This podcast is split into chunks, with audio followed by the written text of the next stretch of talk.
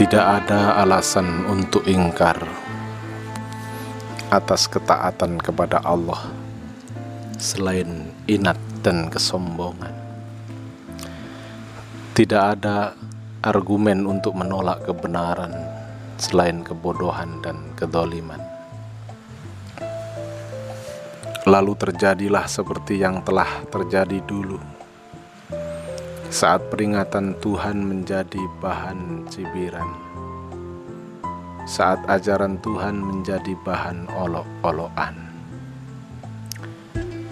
saat pendakwahnya dipinggirkan dan disingkirkan, saat pembelanya dibuang dan diasingkan, saat kesombongan menang dan kedoliman merajalela.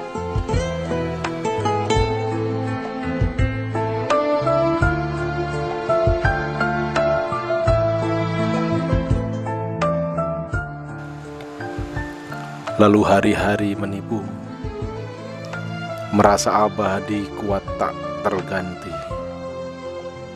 padahal hanya debu yang akan berlalu.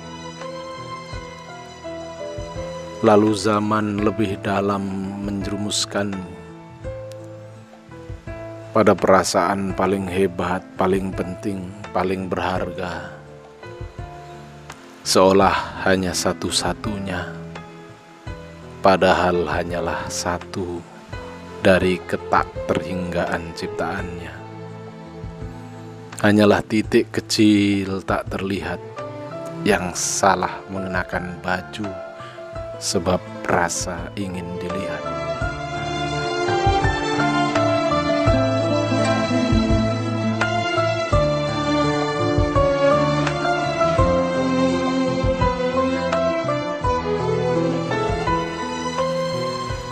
Kesombongan telah menjadi pakaian kita yang kita curi dari pemilik sesungguhnya. Hari ini ia datang mengambil balik dengan paksa melalui peristiwa yang pernah didatangkan dulu pada kaum-kaum yang telah berlalu.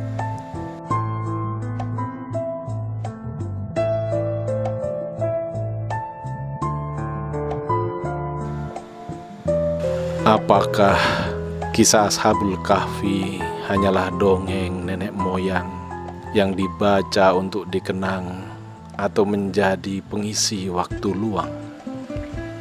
Apakah peristiwa yang terjadi pada mereka selamanya tak akan pernah menjadi peristiwa kita?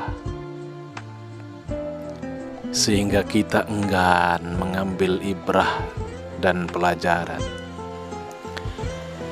Bukankah pengetahuan adalah memprediksi masa depan dengan bertumpu pada yang berulang-ulang dulu?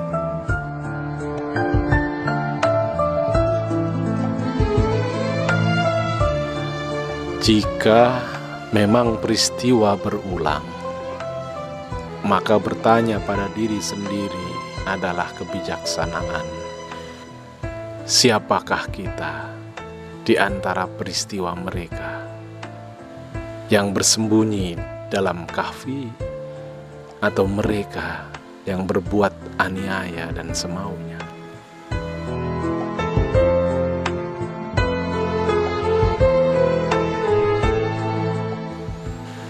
Saudaraku, kebatilan dan aniaya, meskipun kekuasaannya terasa lama, ujungnya adalah kehancuran juga.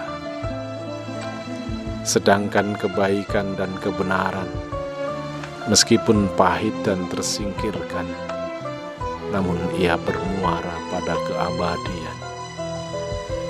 Bersabarlah, bersabarlah untuk tetap pada kebenaran, sebab ia membawamu pada kebahagiaan.